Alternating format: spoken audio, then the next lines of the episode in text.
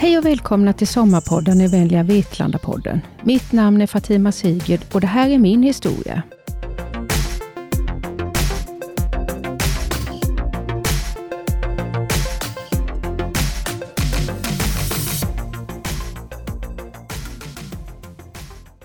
Jag ska prata om att stå upp för den lilla människan, att våga ta risker och inte vara rädd för att misslyckas, att tänka positiv och våga följa sina drömmar.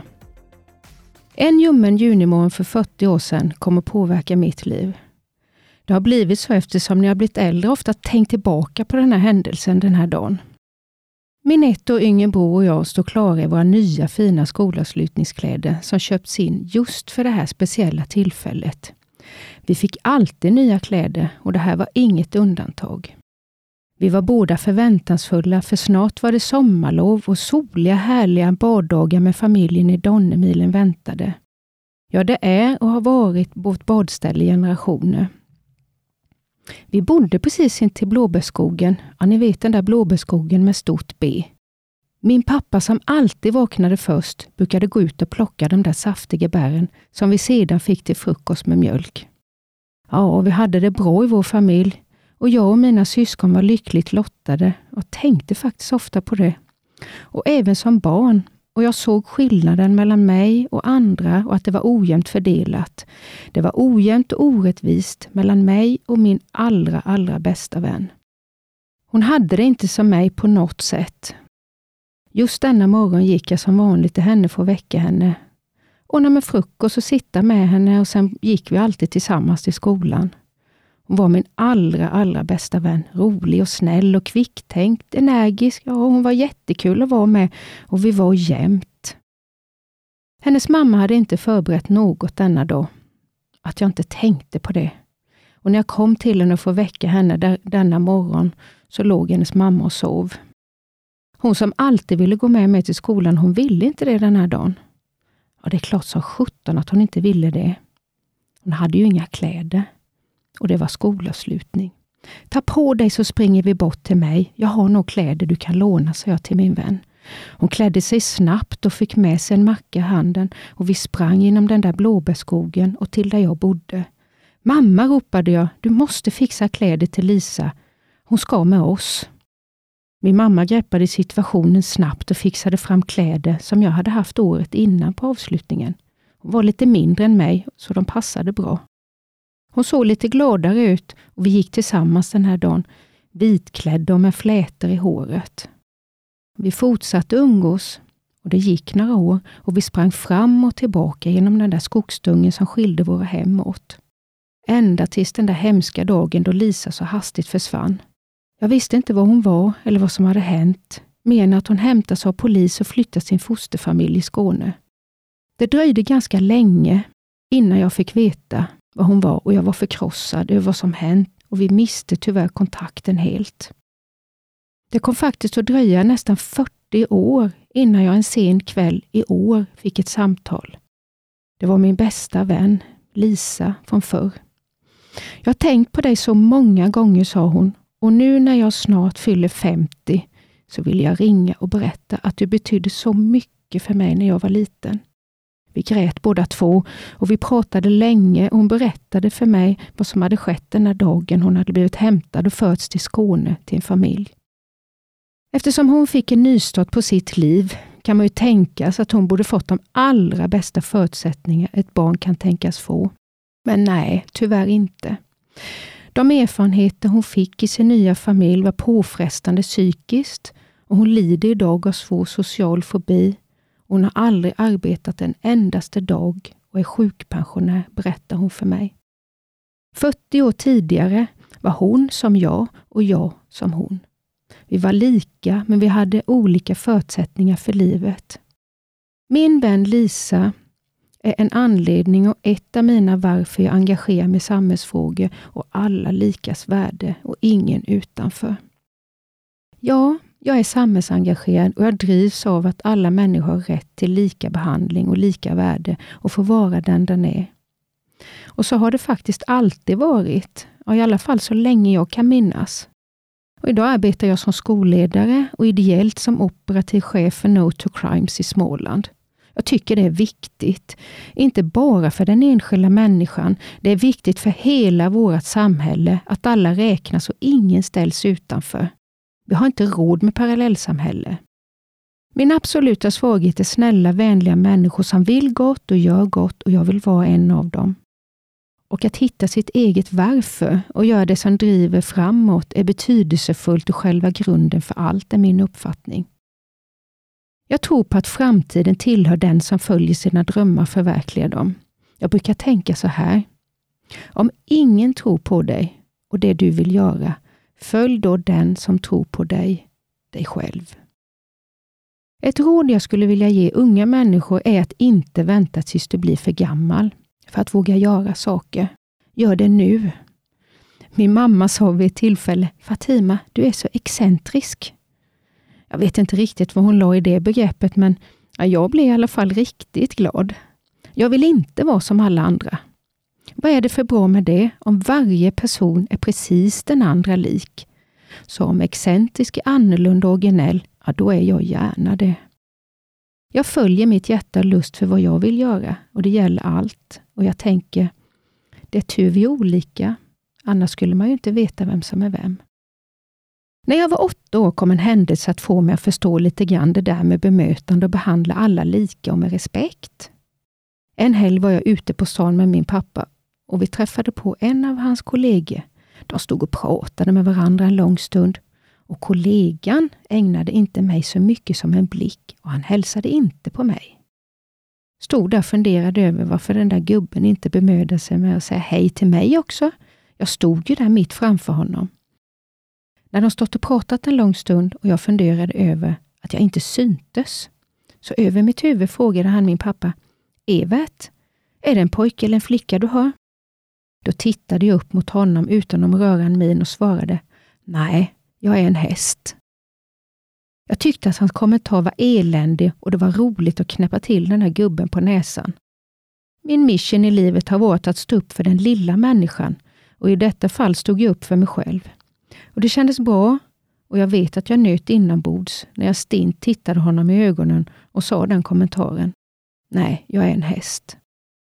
Dåligt bemötande och inte visa respekt har jag alltid haft svårt för och försökt att mota på alla sätt. Jag tror dock att det alltid är bäst att möta sådana personer med vänlighet eller helt enkelt tystnad. Tilläggas kan säga att gubbstutten kände sig dum och sa Ja, en dum kommentar kräver ett bra svar. När jag arbetade som gymnasielärare för barn och fritidsprogrammet brukade jag berätta om den här lilla episoden som en liten påminnelse om hur vi är mot varandra och att vi ska bemöta varandra väl och med respekt och i detta fall oavsett hur gammal eller ung man är. Kommer också att tänka på att jag sa till mina elever, vilken tur jag har varje år att jag alltid får de bästa eleverna. Ja, jag kände så. Och Det var alltid roligt att gå till arbetet och möta de här nyfikna, spralliga, fina ungdomarna. Det gav mig så mycket energi och det talade jag om för dem. Vi skrattade ihop och jag tror att med alla de skratt vi hade så kände de sig förhoppningsvis välkomna och trygga i skolan. Och vad jag tänker så underlättar en glad arbetsmiljö inlärningen. Många år senare mötte jag en av mina elever som sa Fatima, kommer du ihåg vad roligt vi hade i skolan? Vad vi skrattade mycket. Den kommentaren är så fin och absolut det bästa jag kunde få höra. Jag blir tårögd. Kommer du ihåg vad roligt vi hade i skolan, vad vi skrattade? Ja, och den viktigaste uppgiften pedagog har tycker jag är att få eleverna att känna sig väl till mods, bekräftade och trygga. Såklart är det viktigt att de lär sig svenska och matte och allt annat för livet. Men upplevelsen av känslan och vuxenvärlden ska vara positiv. Ja, det är min uppfattning. Jag vill försöka vara en förebild. Alla kan vara det. Och Att vara en förebild är att gå före och visa vägen att lyfta och coacha. Och speciellt viktigt är det att våga släppa fram unga förmågor och låta dem ta plats och även låta dem göra misstag, klappa om och stötta och få dem att försöka igen. Lyfta fram och hurra när det går bra. Anledningen till att jag vågar göra bort mig, i alla fall i andras ögon, är att jag faktiskt inte bryr mig så mycket om misstag. Jag ser det som en naturlig del av livet och jag tänker att det får bli en lärdom istället för nederlag. Jag tänker också på alla de ungdomar som behöver förebilder för att kunna bolla sina idéer, få stöd och välja rätt i livet. Tyvärr är det så att många går oroliga för att inte passa in, att vara annorlunda och inte duga. Och tänk om det som begränsas av de här tankarna bara kunde lyfta den där ryggsäcken och förstå att det är bra att vara just du. Då tror jag att många fler skulle må bättre om de förstod att de dög.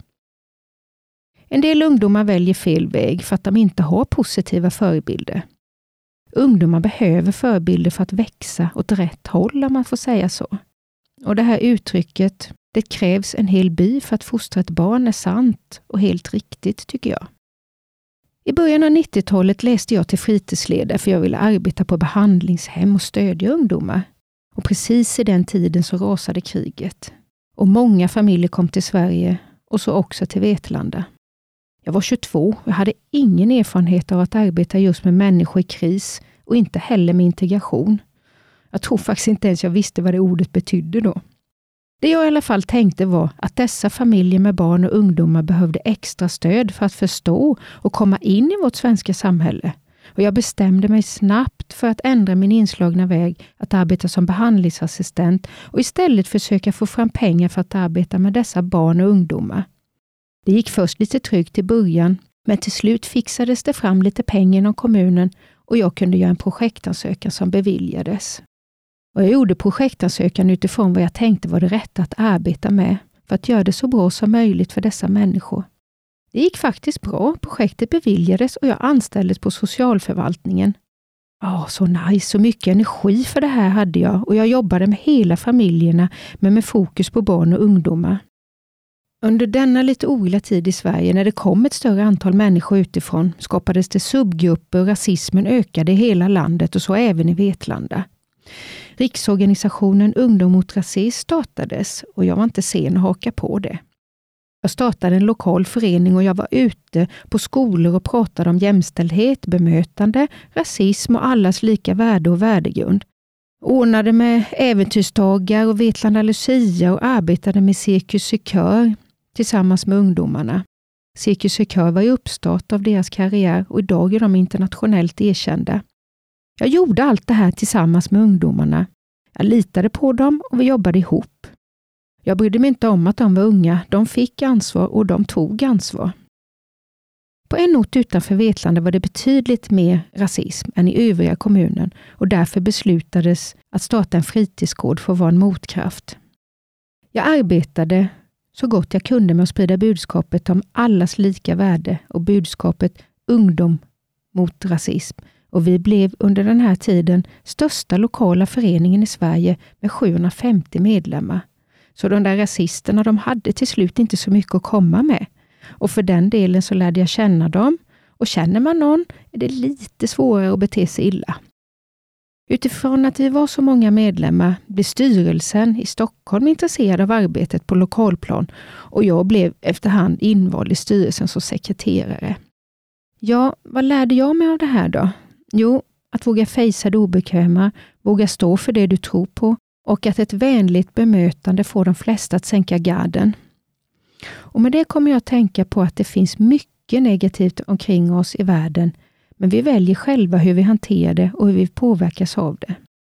Ett helt hav av vatten kan inte få en båt att sjunka så länge vattnet inte kommer in i båten. Samma sak är det med negativ påverkan. Tar vi inte in det så får det inte fäste och det får inte fäste på mig. Under fyra år hade jag förmånen att arbeta som VD för ett kommunalt bolag. Jag ansvarade för kommunens återvinningscentral, second hand, röjarlag, återbruksgallerier och arbetsmarknadscentrum. I denna tid när Arbetsförmedlingen var under stor reform kan man säga att just arbetsmarknad och sysselsättning blev kraftigt lidande till följd. Och där var det eftersatt. Mycket pengar strömmade ut från kommunen i form av bidrag och alldeles för många långtidsarbetslösa. Utifrån det perspektivet kände jag att här bara måste det göras en insats. Kraftfullt, målmedvetet för att så många människor som möjligt skulle ges möjlighet att gå från offentlig försörjning till egen försörjning så effektivt och strukturerat som det bara är möjligt. Möjligheternas hus, som var det bolag jag arbetade för, införde ett nytt arbetssätt tillsammans med Arbetsförmedlingen, socialförvaltningen och utbildningsförvaltningen och vi kom att arbeta allt närmare varandra och sömlöst med den enskilde individen i centrum. Och det var riktigt lyckosamt. En dag ringde min ordförande med andan i halsen. Fatima, vi har fått pengar till det här arbetet som ni håller på med. Gissa hur mycket? Ja, det här var helt oväntat för mig eftersom jag inte hade äskat pengar ännu. Nej, jag vet inte, så jag tveksamt. En miljon kanske? Nej, Fatima sa min ordförande. Vi har fått 20 miljoner från kommunens egen budget att använda till arbetet. Jag blev helt mållös. Att det arbete som jag först filat på och sen sedan arbetat vidare på tillsammans med förvaltningschefer och arbetsförmedlingschef skulle leda till att politikerna fattat ett så häftigt beslut kändes överväldigande.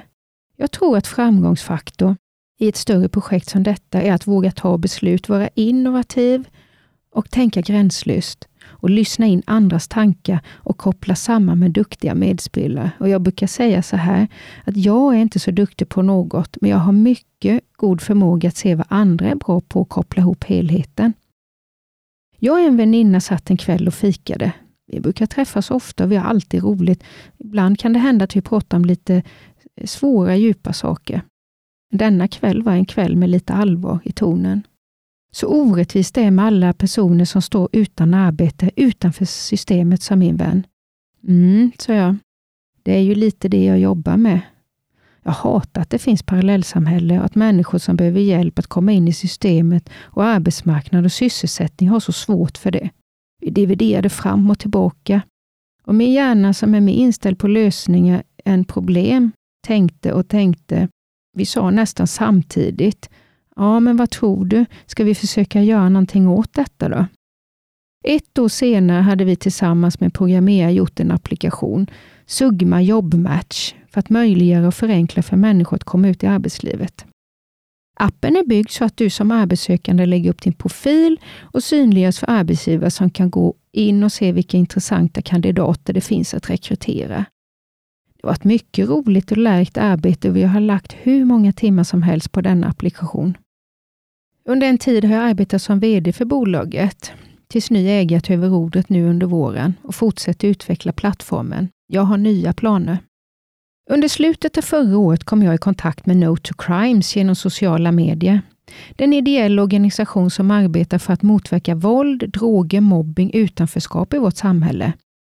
Deras vision är även min vision, att alla i samhället ska räknas och ingen står utanför. Deras arbete gjorde mig väldigt nyfiken, så jag åkte ner till dem en kall novemberdag förra året. Jag träffade grundaren Maher och hans team och det var absolut rätt från första stund och jag beslutade mig för att jag ville engagera mig. Under några intensiva veckor och brainstormande så bestämde vi att satsa på att börja arbeta med Vetlanda och göra den kommunen till referenskommun och modell för hur offentliga rummet och civilsamhället kan arbeta tillsammans. Det görs väldigt mycket bra tycker jag, men det som lite saknas är en sammanhållande röd tråd och ett gemensamt tänk för hur man ska lyckas tillsammans. Jag tror inte på ensam är stark. Jag tror på att vara prestigelös och arbeta ihop och med en gemensam agenda. Vi började spåna på att vi skulle ha ett event. Och det kom vi att ha också, som en kick-off och ett startskott. Eventet hölls 21 april på Hydro Arena. Ja, det var en fantastisk tillställning. Där kommunalråd, polischef för Höglandet, rektor för folkhögskola, grundaren för No to Crimes Mahe och jag som moderator deltog tillsammans med fantastiska gäster. Kvällen var magisk och vi var så supertaggade innan. Eventet kallade vi för No to Crimes, tillsammans för ett tryggare Sverige. Vår tanke och vision är att detta koncept är genomförbart och kan erbjudas andra kommuner runt om i landet. Min filosofi är att man ska försöka förenkla i så mycket man kan, för då är det lättare för visionen och tankarna vidare till andra som också vill vara med och göra skillnad. Människor ska känna att de kan göra skillnad för samhället och att det genom vårt tillsammansbegrepp blir tryggare, vänligare och positivare, där alla räknas och ingen är utanför. Att stå utanför och leva i ett parallellsamhälle innebär att vara fattig. Fattig inte bara i ekonomisk dimension utan även i brist på frihet, makt, inflytande, hälsa, utbildning och fysisk säkerhet. Att ha det jämställt mellan män och kvinnor är också en förutsättning för ett hållbart samhälle, både inom och utanför vårt land. Jämställdhet handlar också om rättvis fördelning av makt och inflytande och resurser. Och Alla former av våld och diskriminering drabbar såväl individen som hela samhället. Och Det har bevisats om och om igen att politisk, ekonomisk och social jämlikhet mellan kvinnor och män bidrar till alla dimensioner av hållbar utveckling och därför är det viktigt att vi tillsammans belyser detta, att det genomsyrar hela vårt samhälle. No to crimes behövs för ett tryggare Sverige. Ibland är det viktigt att få input från sina allra närmsta och det som fick mig att förstå hur en ung person tänker om jämställdhet och jämlikhet var när min yngsta dotter som då var 16 år frågade mig Mamma, varför måste vi tjejer lära oss att försvara oss mot killar? Varför lär man inte istället killar att uppföra sig och behandla oss tjejer på ett riktigt sätt? Ja, så väldigt rätt och riktigt. Varför resonerar samhället inte så? Tycker vi verkligen det är rätt att kvinnliga könet ska behöva gå självförsvarskurser? Eller värre, begränsas, stanna hemma och inte våga gå ut efter ett visst klockslag eller ännu värre, inte få gå ut för sin pojkvän, man, pappa eller bror. Det var också utifrån detta samtal med min yngsta dotter som gjorde att jag valde att skriva boken En slipad diamant. En livshandbok för unga kvinnor och den här boken har getts ut i vår. Min bok inleder jag så här och det får också bli mitt avslut på mitt sommarprat. Kvinnor, ung som gammal, jag vill att ni ska kunna ta en skogspromenad med stigar kantade av blommor istället för risker. Ni ska njuta av natten och se på stjärnorna istället för hot. Jag vill att ni ska respekteras för den fina själ ni är istället för att dömas för ert kön. Jag står i tacksamhetsskuld till kvinnor i generationer innan min egen. De som vågade förstöra stämningen för att ge oss kvinnor i framtiden större trygghet. Vi bor i ett underbart Sverige. Men vi behöver också öppna upp våra ögon för att det finns vissa saker i vårt samhälle som är ojämlikt och ojämställt. Och det behöver vi göra och vi behöver tänka på det och vi behöver agera för det här tillsammans. Tid ändrar inte något. Det är människor som skapar förändring. Så sluta därför att vänta på morgondagen och börja nu. Jag vill tacka dig för att du lyssnade till mig och jag önskar dig en fin och glad och härlig sommar. Kram till er, Fatima. Du har lyssnat på Sommarpoddarna i vänliga Vetlanda-podden. En poddproduktion av Vetlanda kommun.